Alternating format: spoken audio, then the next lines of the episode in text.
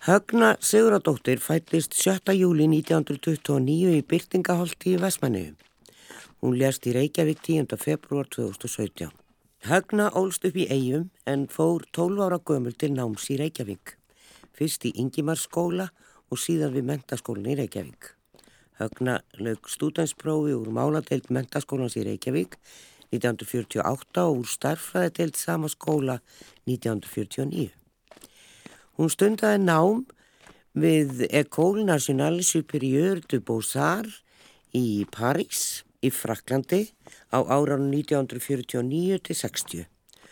Högna laug lokaprófi í arkitektúr 1960 og hlaut sérstakka viðukenningu fyrir bestu próftekninguna, svo nefnd Gauda-verlun, ásamt heiðusverlunum franskra arkitekta. Verlun arkitektafélagsins veittu henni starfsettindi í Fraklandi. Um líkt leiti laug hún við tekningar á fyrsta verki sínu í búarhúsi í Vestmanniðum. Með því var hún fyrsta konan í stjætt arkitekta til að tekna hús hér á landi. Högna var lengstum búsett í París og starfaði þar sem arkitekt en vann einnig að verkefnum hér á landi. Hún raka í einn teknistof í París frá 1961 fram til 1972 er stofan var rekin sammeiglega með arkitektunum Andrew Craspel og Jean-Pierre Humbert. Frá 1988 bættist Bernhard Rópa arkitekt í félag um rekstur stofunar. Á sjönda áratug 20. aldar teiknaði högna fjögur íbúar hús í Reykjavík, Kópavogi og Garðabæ sem sættu tíðundum í íslenski byggingasögu fyrir framsækna hönnun og óveinilega efnisnótkunn. Árið 2000 var eitt þessara húsa, Bakkaflöld 1 í Garðabæ, valið ein af hundrað merkustu byggingum 20. aldar í norður og miðluta Evrópu í tengslum við útgáfu alþjóðlegs yfirlitsrits um byggingalist 20. aldar. Árið 1992 tók Hagnar Siguradóttur sæti í Akademíu franskra arkitekta. Högnar hlaut heiðusorði sjónlistar árið 2007 fyrir einstakt framlagsvitt til íslenskrar nútíma byggingalistar og var kjörinn heiðusfélagi Arkitektafélags Íslands árið 2008. Hlustandum ætti nú að vera ljóst að fjallaverður um högni í þætti dagsins. En sunnudaginn 7. mars held Pétur Ármannsson, arkitekt fyrirlesturinn húsin hennar högnu, þriðudaginn 8. mars Hjælt Guja Dögg högstóttir fyrirlæsturinn Rútstún, Sundlegar og Almenningsgarður í Kópavogi og þauðu dæn 22. mars munu arkitektarnir Hónfríður Ósmann Jónsdóttir og Hrefna Björg Þorsteinsdóttir miðla ferlinu við skráninga og tekningum högnu og því sem kom í ljós þegar kassin frá París var opnaður. Við byrjum hjá Petri Ármannsinni byggingalistfræðingi sem átti stóran hlut í því að þessar teikningar fundust og eru nú komnar í hönnasafn Íslands. Pétur Ármannsson er einn af þeim sem að hjælt fyrirlestur í hönnasafninu um Hagnu Sigurðardóttur og það má segja að Pétur eigi bara stóran þátt í því að þessar teikningar sem að var verið að fara yfir og skrásetja eftir Hagnu Sigurðardóttur, verkin hennar hugmyndavinna og eitt og annað að það kom hinga til Íslands. Þetta er nú heilmikið saga því að hún eh, lest 2017 og þú byrjar strax að pæli hvar já, að vinnan hennar væri niður komin. Hún alltaf bjóð svo lengi í París og bara nokkur ára á Íslandi hér í lokin. Já, eftir að Högna hætti að starfa sem arkitekt þá tók hún ákvörðunum að flytja til Íslands og hún kefti sér íbúð hérna Áleifórsveginum í Reykjavík og, og, og átti hérna góð ár. Og síðan gerist það nokkuð óvænt að uh, Solveig dóttir hennar, hún deyr og þá er högn, heilsu högnu farið að raka, hún er komin hérna á elli heimili grönd eða vist heimili, heimili grönd og, og hérna og missir máli þannig að það var erfitt að ná sko sambandi við hana Þannig að það sem að brann á mér að því að ég hef nú búin að vera í mörg ára að eldast við gamlar teikningar arkitekta vegna þess að mér finnst að vera gríðarlega mikilvægar, mikilvæg gögn, mikilvæg listræn gögn fyrir, fyrir bara menningu þjóðarinnar.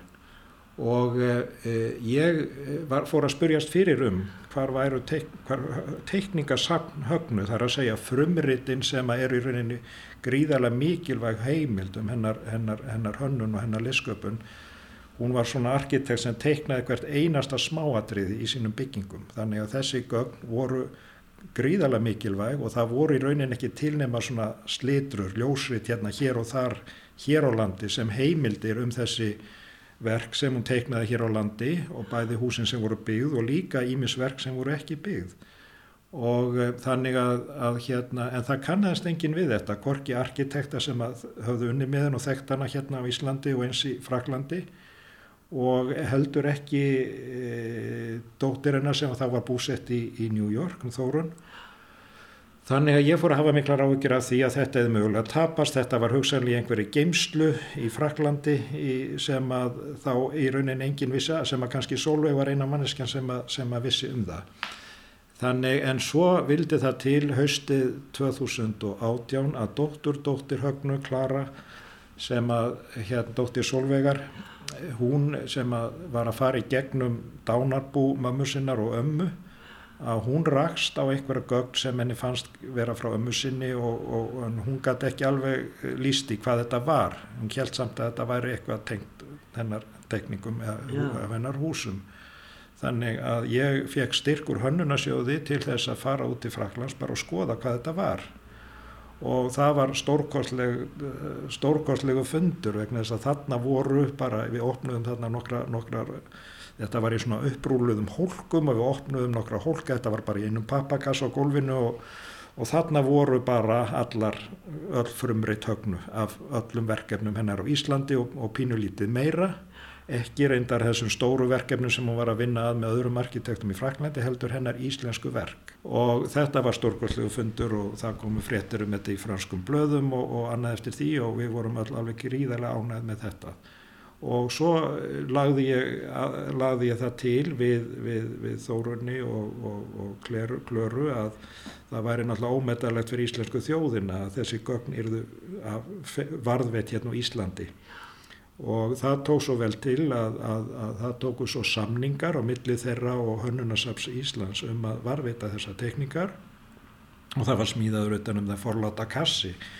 Og, og þannig stendur nú eiginlega á því að þær eru komnar þarna og síðan er efur Sigur, Sigur Jósdóttir hjá Hönnunarsafninu sko, hún fekk þessa snildar hugmynd að, að, að láta að búa til svona ákveðin viðburð um skráningu þessara gagna og ekki bara gera það bak við tjöldin heldur gera það fyrir opnum tjöldum þannig að almenningu geti komið og fylst með þessu framgangi þessa verkefnis eins og var reyndar var búið að gera áður sambandi við Einar Þorstein Áskesson og það var hönnunasafnið hafið samband við e, tvo professora við Listaháskóla Íslands Hrefnu e, Þorsteinsdóttur og, og, og, og hérna Hónfríði Jónsdóttur arkitekta sem hafðu áður unnið með högnu og reyndar gert alveg stórkoslega vinnu með henni að gera endarlega teikningar af kapellunni í vestmanniðum. Þannig að þær þögtu velhögnu, kynntust henni á síðust árin sem hún bjó hérna og, og það var mikið og gott samband á milli þeirra þannig að þær eru núna fara, hafa verið að vinna núna undan farna vikur og mánuði að því að, að skrá þetta merka saman. Já, ég gerir ráð fyrir að þú hafi nú mögulega hýtt hana og spjalla við hana með áður nú veiktist. Já, já, kynni okkar, ég hitti högnum fyrst í París árið 1984, þá, þá heimsótti ég hann á teiknustofunni, uh, síðan þegar ég hóð störf á, á kjarvalstöðum, við, við, þegar þar var sett á lakirna byggingalista deild árið 1993, þá var fyrsta verkefnið að taka á móti uh, norrætni síningu sem hétt fimm norræni meistarar og það voru allt arkitektar af sömu kynslu, það var Knúð Holser og, og, og Peter Selsing og Sverre Fenn og Rúsu Vori frá Finnlandi. Og Högna var eina konan og fulltrú í Íslands. Og það var arkitektarsafni í Finnlandi sem að setti saman þessa síningu og þetta var eiginlega fyrsta verkefni mitt hjá safninu að, að vera tengiliður og, og taka þátt í að undirbúningi þessara síningar sem var, var mjög ánægilegt verkefni og þá kom út lítill bæklingur um verkhögnu sem er nú eiginlega kannski það besta sem að hefur eða, eða svona hefur lengi vel verið svona mikilvæg heimild um hennar feril. Já, sko við erum nú alltaf að gá að fræð Íslandinga í útlöndum hún var þekktur arkitekt en, en svona almenningur hér þekkti ekkert eh, til höggunu, fólk var alltaf að leita til hennar og byggði sín hús sem að þessi fá hús sem eru eftir hana hér á Íslandi eru hvað fjögur, fimm? E, Já, sko það, en samt er nú þannig að, að hérna og þöggs ég Elínu Pálmadóttur hladamanni sem að náttúrulega var í Fraklandi og kynntist högnu þar. Hún var mjög dugleg við það að kynna verkhögnu og það gerist bara mjög snemma. Strax árið 1960 þegar að högna klára sitt lokaverkefni þá er byrt um það stórum fjöllun í morgumblæðinu með mynda fyrsta húsinennar sem var byggt í Vestmannegjum eða teikningum af því sem þá var í byggingu. Og og þessi umfjöllun uh, vakti aðtegli meðal annars var fyrsta, fyrsta húsi sem reys hérna á Íslandi á meginlandinu, hérna húsið upp í brekkugerði 19 uh, það var svona óbeint þetta viðtal var svona óbeint ástæðan fyrir því að, að eigendur þess hús leituðu til högnu og svo leiti svona eitt af öðru þannig að þessi, það voru Það eru fjögur íbúðarhús sem að standa sem voru byggð eftir hennar tekningu. Húsi, fyrsta húsið hennar, húsið í Vesmanægjum, það eðilaðist í gósinu því miður og heina, hennar eina ofinbera verkefni sem var Sundvald Kópavás, hún var ekki byggð nema litlu leiti í, á, á, á hérna, sjönda áratögnum eins og hún teiknaði, það var bara byggður kjallarinn og laugarkeri sem áttu svo að verða inn í laug. Síðar kom hún að því að, að hanna þessa lög algjörlega upp á nýtt og það var þarna móttökuhúsið og aðalögin var byggt eftir tekníku högnu en síðan var ákveðið að fela öðrum arkitektum að klára það verkefni og það högna tók það reyndar mjög nærri sér að, að málið færi þannig. Já. Það var gengið fram hjá henni sem var mjög lúalegt af yfirvöldum Kópavóks á þeim tíma verði að segja. 5. daginn 23. februar árið 2006 má lesa í dagblæðinu Vísi eftirfarandi. Arkitektafélag Íslands hefur sendt bæjaryfirvöldum Kópavóks bref þar sem bæjaryfirvöld eru harlega gaggrind fyrir framgöngu sína gagvart högnu, Siguradóttur arkitekt. Högna teiknaði eins og kunnugt er sundlegin í Kópavogi en fær nú hvergi að koma næri þegar loks á að klára verkið. Það var síðan arkitektastofan Ask sem fekk verkefnið.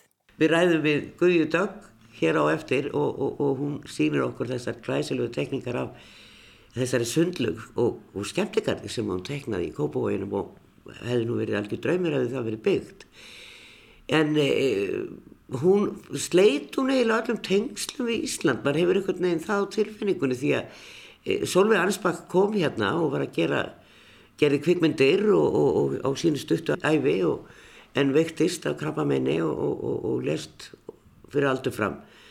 Og hún talaði svona brokkenga íslensku þannig að maður hugsa voru tengslinn hinga til Íslands ekki rektuð svona eins og margir gera sem að búi í útlandum Jú, jú, jú, hún, hún, það, hún ræktaði, hún var mjög nátengt eh, foreldrun sinni, móður hennar var háöldruð, eh, dæturnar voru hjá afa sínum og ömmu, ömmu sinni á sumrin og þetta er mjög stór og samheldin fjölskylda.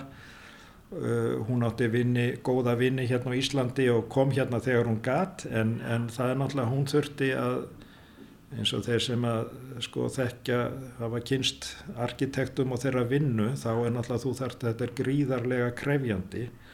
Það hefur verið krefjandi fyrir hana að, að sko að sem útlendingur og kona að ná sagt, þessum árangri sem hún gerði í framandi landi eins og Fraklandi Já. hún var eh, sko, hún var mjög virt í, í að því að þú spurði nú áðan um, um hennar fræð hún var, hún náttúrulega vakti húsin hennar vöktu snemma aðtekla á hann hérna á Íslandi, þau voru mjög umtöluð og fólki, fólk var að nexlast á steiftum og úsgögnum eitthvað slíkt. Í Fraklandi þá var hún, var hún allatíð mjög virt í, í svona fagkreðsum arki, meðal arkitekta í París. Þeir konnuðust við hana. En, en hún var ekki sko, það var engin alþjóðleg frægð. Eiginlega kannski ekki fyrir en að Marja Ríta Norri fórstuðum aður arkitektarsafsins í Helsingi í Finnlandi eh, gerði þessa síningu, hún gerði tölverð til að vekja aðtikla högnu og það er sko miða við það hvaða er í rauninni sko fáar stórstjörnur í arkitekta heiminum frá 20. öld frá hennar kynnslóð sem yeah. er konur e, þá er í rauninni og allir, allir sem að hafa séð verk högnu er alveg steinhins á því að hún skulle ekki vera heimsfræk þannig að það hefur bara einhvern veginn ekki það hefur ekki en þá komið út uh, svona monograf eða bókum hana og, og vonandi gerist það fljótt. Guðja Dögg er að vinna bókum hana og hún, vona hún komið sem allra fyrst. En, en sem sagt högna er í rauninni miklu starri listamæður en við gerum okkur grein fyrir. Og, og alveg líkilatri því eru þessi fáu fáu húsennar hérna á Íslandi Hún beigði þá eitthvað í París og mér skilst að hún hafi farið, tekið þátt í nýju hverfaskipulegi í útjæðri Parísar þar sem hún teiknaði og vann í fjölmennari hópi arkitekta. Já, í Fraklandi þá var hún yfirleitt með öðrum arkitektum og vann með þeim og af risastórum verkefnum og, og e, ég hef nú ekki séð mörgar, ég sé, ég sé nokkur hús eftir hana sem hún kemna og það eru svona en einhvern veginn eru hennar, ég held að henni íslensku verkefnin hafi verið hjarta hennar nær er svo má segja, þau höfðu hún hefði djúpa tilfinningu og kannski var hún að tjá svolítið söknuð sinn fyrir Íslandi í þessum verkum en en jáfnframt kannski nautum góðs að því að vera að starfa erlendist því að ég veit ekki hvernig fag umhverfið hérna og hvaða, hvaða sagt, eh, hvernig það hefði gengið fyrir hana að, starfa hérna á Íslandi árið 1960 og svona framhústefnileg sem hún var Já. það hefur nú verið sagt ímislegt um íslenska arkitekta hér. Eins og Gunnlaugur Haldarsson teknaði viðbyggingu við landsbankan á sínum tíma og ég held að verið Jónasar Hyplu sem sagði að þetta ætti að vera bara þjóðasorg á þessum degi þegar þetta byrtist og það hefur oft verið, sko, við erum oft mjög harkari í gaggrinni á það sem er framandi og öðruvísi og framústefnilegt. Lendi hún í því hér, en hún hefur bara kannski verið heppin að vera ekki á landinu?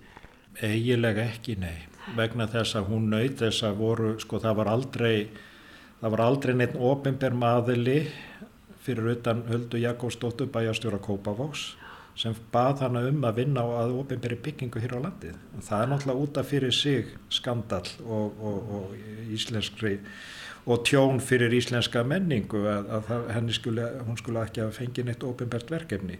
Kapellan í Vestmanni var í rauninni sko, jú, hún var Árni Jónsson, Árni Jónsson fyrir Hann, hann fekk þessa hugmynd um að leita til höfnu um, um að byggja kapellu, þetta var þegar var verið að ráðgera byggja sapnaðarheimilu í Vestmanniða kirkju þá kom fram þessi hugmynd en eh, ég nú aldrei vita hvaða var mikil alvara bakið því verkefni. Höfna hins vegar tók það mjög sem sagt eh, að hjarta sínu af því að, af því að hún eh, sko hún upplifði Vestmanniða gósið svo stert hún átti móður hennar og mikið af ættingum byggu í Vestmanniðum og Hún kom strax til landsins og tók þátt í björgunastarfi í Vestmannum bara fyrstu dagana eftir, eftir að gósið byrjaði þannig að þetta gósið hafði mjög mikil áhrif á hann og hún gæti ekki komið til Vestmanna í mörg ára og eftir, þetta var svona eins og maður segir tráma. Já. En, en kapellan, hún sagði það einhvers staðar að kapellan hefði kannski, þessi tekninga kapellun hefði verið hennar leið til þess að sætta sig við afleiðinga gósins, hvað kom fyrir hennar heima bæ þannig að hún var kannski einhver leiti að teikna þessa kapellu bara fyrir sjálfa sig. Já. sem svona hugmyndafræðilegt hugmynda bara sem skemmtilega hugmynd. Og kannski vitandi það að hún er aldrei byggð. Segði Pétur Ármansson arkitekt en af því að hann myndist á einar Þorstein Áskeirsson sem að fætist 42 og lést árið 2015 þá var hann íslenskur arkitekt og hugsuður og brautriðjandi í rúmfræðir hans sóknum Hann stopnaði tilunastofi burðarforma sem sérhæði sig í stórum tjaldbyggingum og kvolþökum og reisti hann okkur kúluhús upp úr 1980. Einar stundaði rannsóknir á ymsum tegundum flötunga og var heimstæktur sérfræðingur í margflötungum, rýmislegum eiginleikum þeirra og hvernig megi hagnýta þá.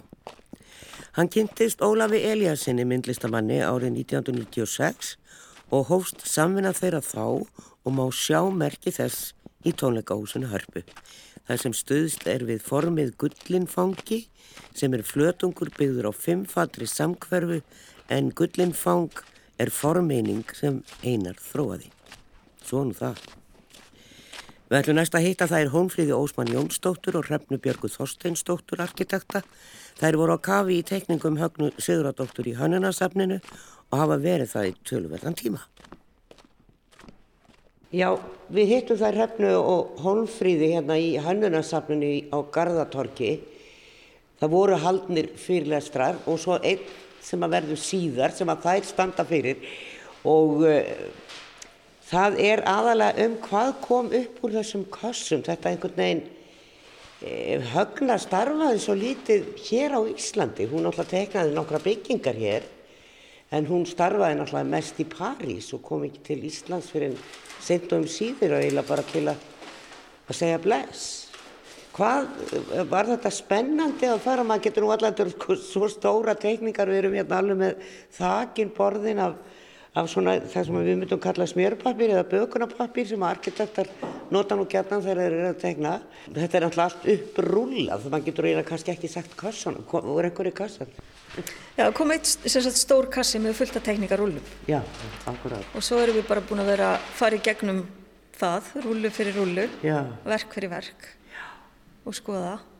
Var þetta skipilagt þannig að það var auðvelt að ræða því saman eða var þetta mikil saman týnsla? Við reynum að flokka hvert verkefni fyrir sig en þetta er, voru allt í allt 16 stórir tekningahólkar og í hverjum hólki voru kannski 1 til 3 verkefni og tekningarnar þar munu, eða blöðin munu verða yfir 300 sem við erum að skrásetja. Við erum langt komnar en hérna nok nokkra hólka eftir. Ykkar fyrirlastur verður nú ekki fyrir en síðar í mars, 20. stað, ekki rétt að vera, 22. mars. Mm -hmm verða þá þessar teikningar hér til sínis eða hvernig er? Sko við allavega munum segja frá öllum verkum sem komu upp úr kassanum. Bara þannig að fyrir þá sem að áhuga hafa þá allavega vita er hvað til og kannski þú veist fyrir þá sem er að fara að rannsaka eða eitthvað slíkt að, að svona gefa svolítið yfirliti við það. E, sko það er náttúrulega kannski svolítið erfitt að, að sína þetta svona almenningi skilur fólk til dæmis að við förum bara hérna einni eh, grunnflötur hér á Bakkaflötu 1 sem er nú eitt af hann að þekktar í húsum hér á Íslandi. Já, skilur almenningu svona bara hvaða getur les, lesið úr þessu? Er ekki meira frásökt bara reynilega um hana?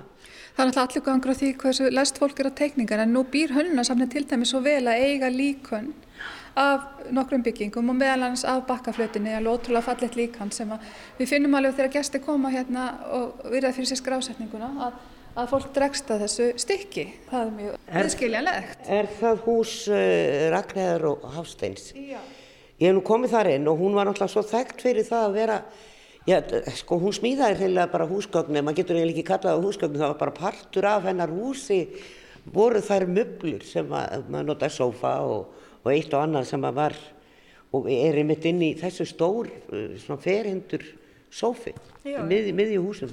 Já þar sem hún er einhvern veginn að nýta svona hæðamunnin og þú situr svolítið svona í þessum hæðamunni. Já, situr eiginlega í laud. Það situr í laud, já. já, já. Um, umhverfis eldin, umhverfis arinin. Já, umvitt. En það var líka annars manni að því að þetta er nú eina húsins eftir hana sem ég hef komið inn í, e, að þar eru allir vekkir á, bara á hjólum eða þannig, maður gæti bara fælt allt til og bætt við herbyggi og svona allan hringin í húsinu. Já, þegar þau byggði þetta hús það áttu þau fjóra drengi sem bættist á 50 við og húsið er hugsað þannig að það getur bæði rúma stóra fjölskyldu, barnmarka fjölskyldu og eins að það sé hægt að eldast í þessu húsi. Þannig að það eru renniveggir sem að skilja að bæði barnaherbyggin og stofuna og, og þegar að hérna, fækkaða heimilinu þá var bara rent frá og, og barnaherbyggin eru það eins konar hluti á stofunni. Það var alltaf að breyta þessu öllu og, og þetta hús er ennþá í eigu Ragnar, ég veit ekki betur Já.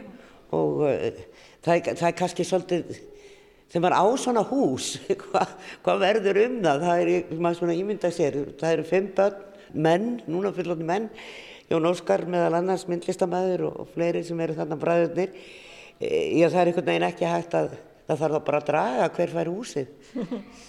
það er ekki gott að segja sko. Nei, en það er friðað, ytrabyrðið allavega. Já. Já, við veitum ekki betur. Já. Já. Var eitthvað sem kom ykkur óvart þegar þið fóru að draga upp úr, eða já, taka út úr þessum hólkum? Það voru náttúrulega verkefni sem við allavega höfum ekki séð sko, sem eru óbyggð, sem tillögur sem hún gerði á Íslandi, já, sem ekki var byggt. og það eru bæði íbúðarhús og, og það er orlofsbyggð fyrir landsbank, starfsmenni landsbankans eitthvað öruglega sem að, já Eitt og annað, Eitt og annað. það er samkeppni sem hann tók þátt í Íslandi meðan samkeppni um hérna, tónlistarhús sem var haldinn hérna, lóðin var í laugadalunum þá uh, og önnur samkeppni um skipulag uh, Vestma, á Vestma, í Vestmanni með heimaði. Já, hún er frá eigum. Já, hún tók þátt í þeirri sam, samkeppni eftir gós og, og það eru ótrúlega fallega tekníkar sem komu úr þeim hólki. Já. E, Man hugsa bara, já þetta er náttúrulega, það verður að skrásetja þetta. Er þetta svona yfirlega gert að það eru teikningar eftir arkitekta sem eru látnir og það skilja náttúrulega allir arkitektar heilmikið eftir sig. Er þetta ekki vanlega skrásett bara hjá borginni og eru það þá bara byggðhús? Já, það, það, þau hús sem eru lögð eins til samfjöldar hjá byggingafulltrúa, þau fá náttúrulega sjálfkrafa skráningu þar. En það er gert meira og meira því að tekningasafn, heilu tekningasafn arkitekta séu, séu skrásetti á. Og, og eru þá geimt hvar? Ímist á hönnunarsafni Íslands eða á þjóðskjálasafninu. Já, einmitt.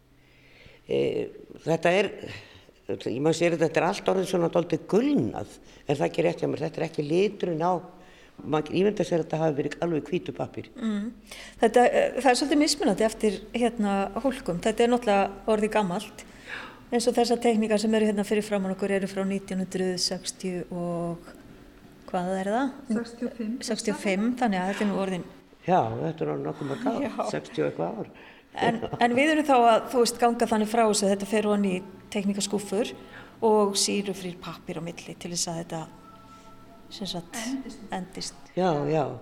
Hún var nokkuð merkilegur arkitekt af því að hún, hún var svo, já kannski, þessi, þessi hús sem eru frá 60 og 70, þau eru mjög framsækin í, í hönnun á meðan við það sem var verið að byggja. Já, það má alveg segja það. Þau eru mjög framástefnulega fyrir, fyrir þennan tíma sérstaklega á Íslandi og, og voru þetta mikið umræðinni þegar þau voru byggð en, en þann dag í dag. En þetta eru svona þjóðargersemar í raun og veru sko. Og ekki, já, hún er ekki fyrsta kona sem lærir arkitektur, hún lærir í París en hún, eh, held ég að vera að lesa það áðan að það, eh, Haldur og Brím hafi verið á undan, en Högna kemur þar á eftir og hún er fyrsti Íslandingur sem lærir í París. Já, hún hérna, hún gerir það og, og er fyrsta íslenska konan sem að leggur sem sagt tekníkar fyrir bygginganandi. Hún, eh, eins og ég segi, hún var afa sérstök og sérstöku sínum, það finnst ekki öllum, það líst ekki öllum á þessu hús en hún er að tengjast e, svolítið náttúrunni og það, það er eitt hús sem ég man líka eftir sem ég hef nú bara séð á mynd, ég held ég að nú eftir maður kert upp að því en það er svona eins og það séu bara klettabungur að vaksa út úr húsinu, ég veit ekki hvað maður á að segja, það er svona gött. Ætli það sé ekki sunnubrötin í Kópavogi Já. þar sem hún setur svona já, steinskífur inn í steiftu veggina sem koma þá í ljós Já. þegar mótin er slegin frá. Og það hús er alveg við hafið og alveg ótrúlegt dæmi um, um, um góða byggingalist. En það má alveg segja það að þegar þessi hús koma í sölu í dag þá er alveg slegist um þau. Ég get ímynda með það. Já. Þannig að fólk kann alveg að meta það að það er búið að setja í rauninni innréttinguna inn í húsin. Já, og í mörgum tilfellum þá hefur hún gert það. Já. Ég man þarna einmitt á bakaflutinni þar er e, opið eldhús og e, svona, þetta var maður nú vanlega ekki að sjá þarna millir 60 og 60, eða 70 og 7 áratöknum. þá var það afar sjálfgeft að það væri opið eldhús og það var hægt að horfa á húsfreyjuna elda matinn meðan að fólk í fína stóra sófanum.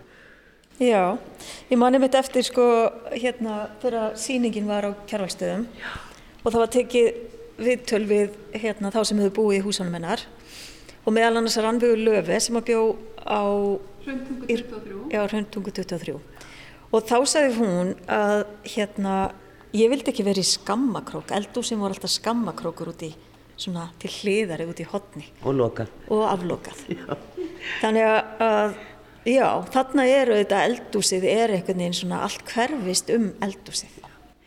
Na, hvað myndir þið segja að, að væru hennar áhrifavaldar? Hún, eins og ég segi, hún er svolítið einstök, svona allavega með við íslenska arkitekta, nú þekkja maður ekkert alla erlenda. En, en er funkisminn eitthvað að, að hafa áhrif á hana eða hvað, myndir þið segja að væri hennar áhrifavaldar? Það er svolítið erfitt að segja en sko hún er náttúrulega í lærir í Fraklandi og útskrifast hann 1960. Hún er alveg greinilega undir miklum áhrifin frá Le Corbusier. Uh, hún er líka undir áhrifin fyrst okkur frá Alvar Aalto. Hún fór í skoðun að fara til, til Fraklands. Til Finnlands. Nefn til Finnlands segja og hérna svo er hún bara undir, undir, undir svona áhrifin frá bara íslenskri byggingahefð Já. sem að hún, henni tekst einhvern veginn að færa til nútímans, gera það sínu. Já. Ertu samanlega þessu? Já, ég held að maður geti alveg sagt það. Hún er einhvern veginn næri að, að svona kjarna einhverja svona, þú veist, einhver, það er einhver stór alþjóðleg, þú veist, stefna í gangi. Já. En hún er algjörlega einhvern veginn að kjarna að íslenskum aðstæðum og gera það, já. Gera það nútímalega, Já, í raun og veru. Hvað er þið búin að vera lengi að vinna í því að taka úr hólkonum? Heyrðu, við erum búin að vera hérna alla þriði daga síðan í lok nóvumber. Það er bara. Þannig að þetta tekur drúan tíma. Já. Já. Var, var rifist um að fá að gera þetta eða voru þið beðnar um þetta? Við vorum beðna bara þannig að við bara, já, vorum hefnar fá að koma að þessu. Gátum, sagt, gátum alls ekki sagt nei. Nei, það var bara ekki hægt. Þetta er ótrúlega spennandi að fá að fletta, Já. fletta gegnum þessi blöð. Þannig að hún er mögulega að hafa einhver áhrif á ykkur og ykkar verkefni því að við nú verið að tekna nýr í Nautólsvík meðal annars og þar má hún kannski sjá svona tón sem að maður sér að hann á bakkaflutin eftir högnu þar sem svona gras verið upp á og húsin svona hverfa svolítið inn í umhverfið. Já, já, já, já, högna er alveg einn af stóru mentorunum okkar. Og bara, já, ég held að hún sé alltaf óum, óumdeildur meistari í íslenskri byggingalist. Samála? Algjörlega. Já. Þannig að hún hefur haft áhrif á þau. Já, hún hefur haft áhrif á okkur öll held ég, íslenska arkitekta, með einhverju móti, sko. Það er kannski forrættilegt að spyrja ykkur af því þið eru nú að grúska í hennar teikningum hvort þið hafið hitt hana ykkur tíma. Við kynntumst henni í tengslu við hérna, síninguna sem var á Kjarvalstöðum, uh, þar sem Guðjadök var síningastjóri. Og við vorum beðnir um að, að gera líkan af óbyggðu verki sem var hérna ofanleitiskapilla í Vestmanni. Og við gerum sagt líkan af uh, henni fyrir síninguna og síðan í framhaldinu, uh, ætla hafi ekki bara verið árið síðar eða svo, þá kemur Högna til okkar og byður okkur að uh, hjálpa sér að sagt að útbúa teikningar fyrir þessa Kapill. kapillu. Og við vorum í hvað? Þrjú ár, Þrjú ár. að, að búa til bara te teikningasett af ofanleitiskapillu þannig að í raun og veru eru til alltaf teikningar sem að þarf til að byggja þetta verkefni. Þetta er kapilla sem er, hún er lítil, hún er upp á þrjú, svona cirka 350 fermetra og er til minningar um, um sjómenn sem hafa farist í hafi. Það er nú kannski svolítið erfitt að lýsa þessu í, í útvarpi en þetta er svona svolítið lágt hús og, og svona eh, brekkar út og mjókar aftur og brekkar aftur og það, maður upplifir einhvern veginn eins og þessi kross ofan á þakkinu og svo er kluknaport þarna. Og hér kemur hún með svona þversnið, já, já, það er gaman að sjá þetta. Sér hérna kemur maður inn og maður gengur undir kluknaportið Já. inn í andiri. Síðan eru hallandi göng sem halla niður í lítið forrými þar sem er ljósturn yfir. Það kemur sólaljós inn í þetta forrými og þaðan er gengið inn í kapillurýmið sem er með stóru ofanljósi og, og svona bekkjum fyrir kannski 50 manns. Já. Að þetta er lítil falleg kapilla. Það fyrir að hvetja eigamenn til þess að drífi að byggja þetta, rætta tekinga til. Það er alltaf mögulegt að gera það. Já, en það er ekkert hús eftir hana til í Vestmanneum, er það? Ég held ekki. Nei, húsi sem að hún uh, er í rauninni, er það ekki fyrsta húsið hennar? Fyrsta húsið sem hún teiknar, það var byggt, Já. en það skemmtist í, í hérna, gosinu. Fór undir raun eða hvað? Það skemmtist allavega það mikið að þurft að rýfa það. Já, eigamenn eiga nú að vera stoltir að koni sinni og fara að drífi að byggja þessa kapel, fallegt hús.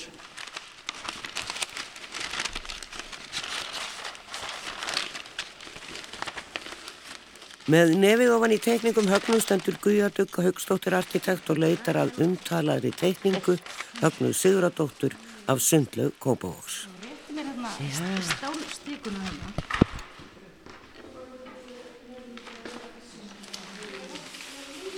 Já, Ekki satt? vá. Ekki satt? Já, Sundlegu almenningsgarður Kópavóks. já, akkurat.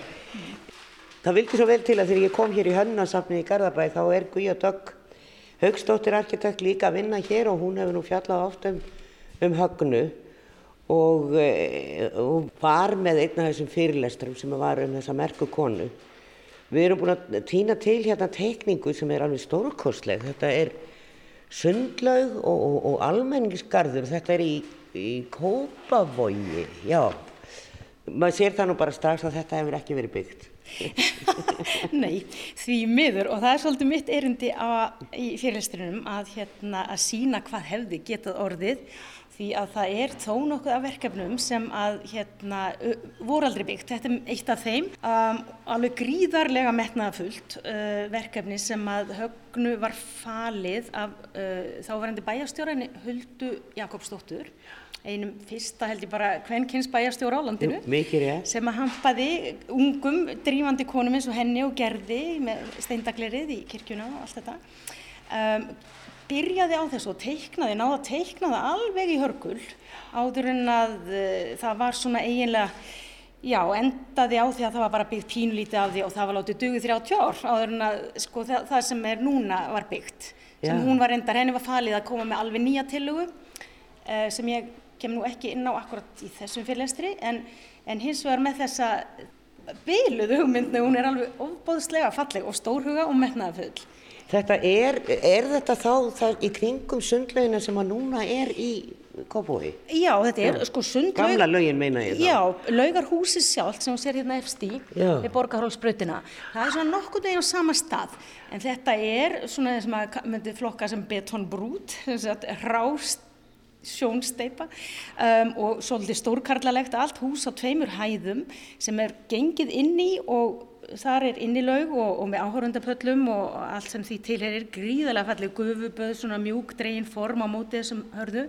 Og svo er hægt að fara út um göng út í, sem sagt út á útisvæðið sem er bæði grunnarlaugar hérna og svo djúpa laugin og, og sem sagt olimpísk eða sem sagt keppnislaug Já. og svo teiknar hún ekki bara byggingarnar sem sagt heldur líka kemur með tillögu að almenningsgarði fyrir Kópavóksbúa sem á þessum tíma voru ekki nema 10.000 manns og þegar maður skoða loftljósmyndi frá uh, þýska hernum sem ég komst yfir þá eru bara urð og grjót og, og gríti melar og krakkar í lópapessum að ríða upp ykkur kartublur og Já.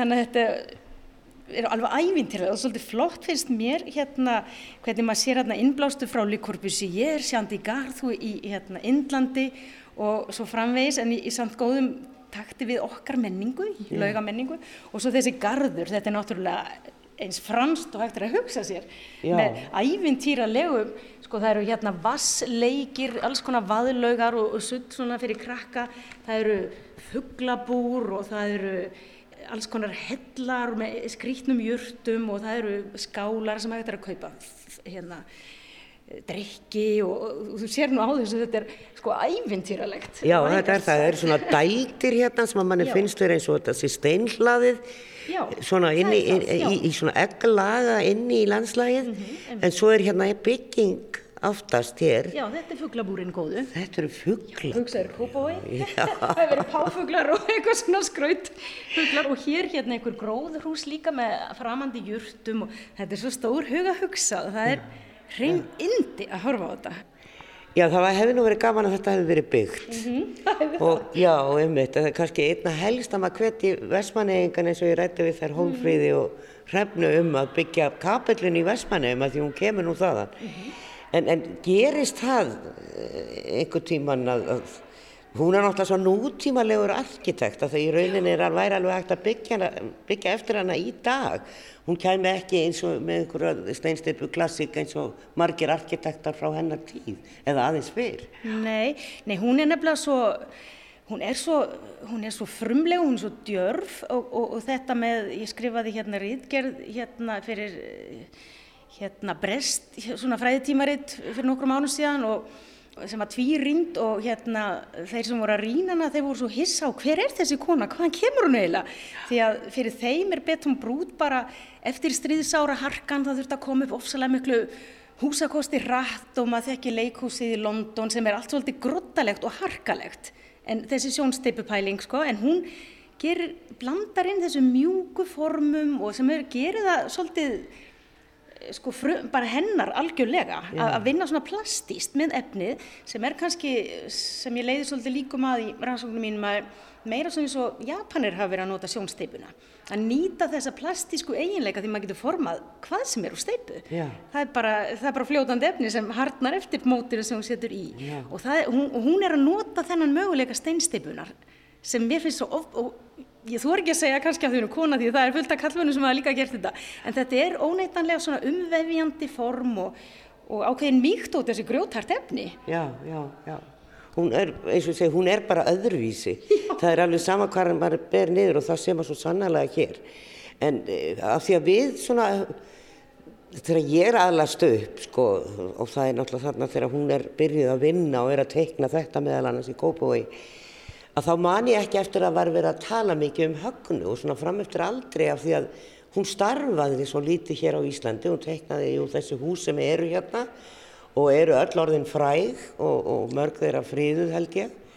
Hvað með í París? Hún náttúrulega býr þar og starfar þar. E, eru byggingar eftir hann í París? Já, já, já, og kannski ekki aðal í París heldur á þeim tíma sem hún var að koma úr námi þá svona upp úr stúdenta og eirðunum eða uppreysninni 68 þá var algjör springing í sko skipulagsmálum. Um, þar sem að uh, var verið að gera svona eins og kallaði satellites eða sem sagt heilu bæjakjarnana svona í ákveðinni fjarlag frá París og gert ráð fyrir að maður færi bara með lest. Já. svona bara skuttlum nánast.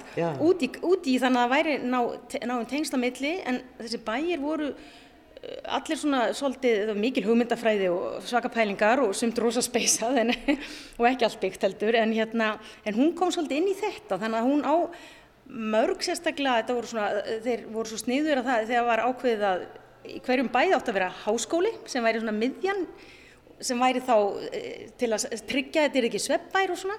Og hún kom að mörgum svona háskóla byggingum bæði háskólum og yðntækniskólum og grunnskólum og leikskólum og sem, sem inn í þessi nýju novell eða hvað maður að segja ja. bæjar kjarnar svona á, á reykir í kringum París. Já, ég skil. Hefur þið skoðað og farið í þessu hverfi? Já, ég hef gert það. Við erum alltaf búin að byggja mörg hverfi og við byggjum alltaf líka eitt skóla og, og, og eitt leikskóla og Já. mögulega sundlaug, mjög, mjög gætnan.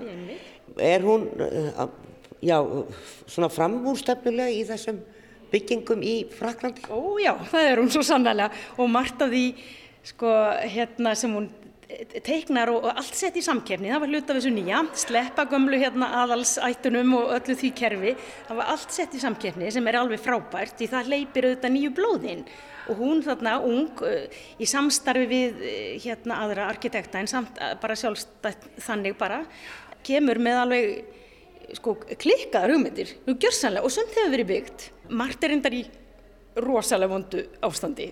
Þeir eru ekkert að setja á mikið viðhaldfrekar en við eða aðrir ja. og, og steipa er kannski efni sem verður rosalega erfitt eða er ekki haldið við alveg. Ja. Þannig að það er svolítið synd en með eh, kannski upplýsingu og þekkingu þá náttúrulega verður ykkur vakning um að gera eitthvað almennilegt úr þessu. Já, mm. hún er náttúrulega, mann finnst stundum eins og noti steipuna sem einhvers konar náttúru efni. Já. Ég myndi segja það, það sé fullkonlega rétt. Yeah. Þessi þetta lífræna sem kemur inn í leifir grjótun og sjást er að nota mótatimbur sem sko leifir æðunum í timbrinu vinnur mjög nákvæmt með hvort það er láritt eða lóðuritt eða hvort það er gróft eða þannig, þannig að maður fær þessa æðatekningu sem er svo lifandi í yfirborðið á annars steinduðu grjótinu yeah. og þannig að það er alveg rétt, það læðist svona inn yeah. náttúran á þennan hátt. Þú hefur nú líklega hitt högnum. Jú, jú, ég verði meðan á heilanum í núna hvað tíu ár er að rannsakana semst ja. æfistarfinnar og er bara semst að vera langt komið með 300 sína bók þannig að hérna það verður vonandi eitthvað. Hvernig manniska var hún? Var hún opinn og var gaman að tala við hann um arkitektúr og... Mm, góð spurning, hún var rosalega prívat. Ja. Það tók lang marga fundi að svona ná henni, uh, að hún treysti manni, hún var mjög markár og þegar ég les brefa, skrift og skjöl sem að hafa undan farið þá sé ég alveg að þetta hefur sko ekki verið einfalt mál að vera arkitekt, kona á þessum árum. Um, og kannski bara hennar náttúrulega líka, hún er hérna, er svona frekar varkár í eðli sínu en þegar hún er búin að hleypa mann inn fyrir þá hleypur mann hún manni alveg inn fyrir og er bara dásamlega hlý og umvefjandi, eða var, já, dásamlega hlý og umvefjandi manneskja. Ekki spurningu um það og mjög svona kemur úr stóri fjölskyldu og maður finnur það að hún hafi farið mjög unga árum eh, til Parísar að nema og kom eiginlega aldrei aftur heim alfarið eftir það þá sko talar hún mikið um fólki sitt og náttúruna hér og menninguna hér og, og svona kvílir mjög ákveð í því þó hún hafi líka notið þess að vera í, í Fraklandi og París og með allt það sem það upp á að bjóða. Já. Svo við bætum því kannski aðeins við varðandi þessa tekningu sem við erum að standa yfir hér í almennisgarður og sundlögu í Kópavogi að, að, að það er eitthvað við að horfa á þessa tekningu sem að minni mig á stórtæku hugmynd Guðjón Samuelssonar um Akrapólis á skólaverðuholti allt öðru sér byggingar, Guðminn Almáttur en þetta er svona svipað að þóra. Já, þetta er bara, bara mjög góð pæling hjá þér. Setgur kynnslóðinn að sjálfsögðu kvíla í hann í klassíkinni, hún í ljóðrannu mótenismæð, að betonbrút, eins og maður segir, uh, en þessar hugmyndir og, og, og, og að byggja, hugsa stórt fyrir samfélagið ekki bara byggja eitthvað og græða og fá peningin í vasan heldur að hugsa miklu stærra fyrir heildrænt torg og ofinbyr rými og byggingar þar sem maður sér að fólk mun njóta að vera.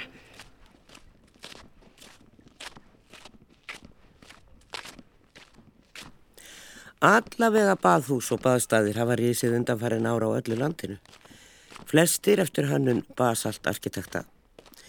Djörf hannun högnu Sigurðardóttur arkitekts að sundlu og skemmlikar í Kópavogi hefði líklega haft áhrif á aðra hönnuði og baðstæðnir orðið fleiri og komið jafnvel fyrr. Verðið sæl.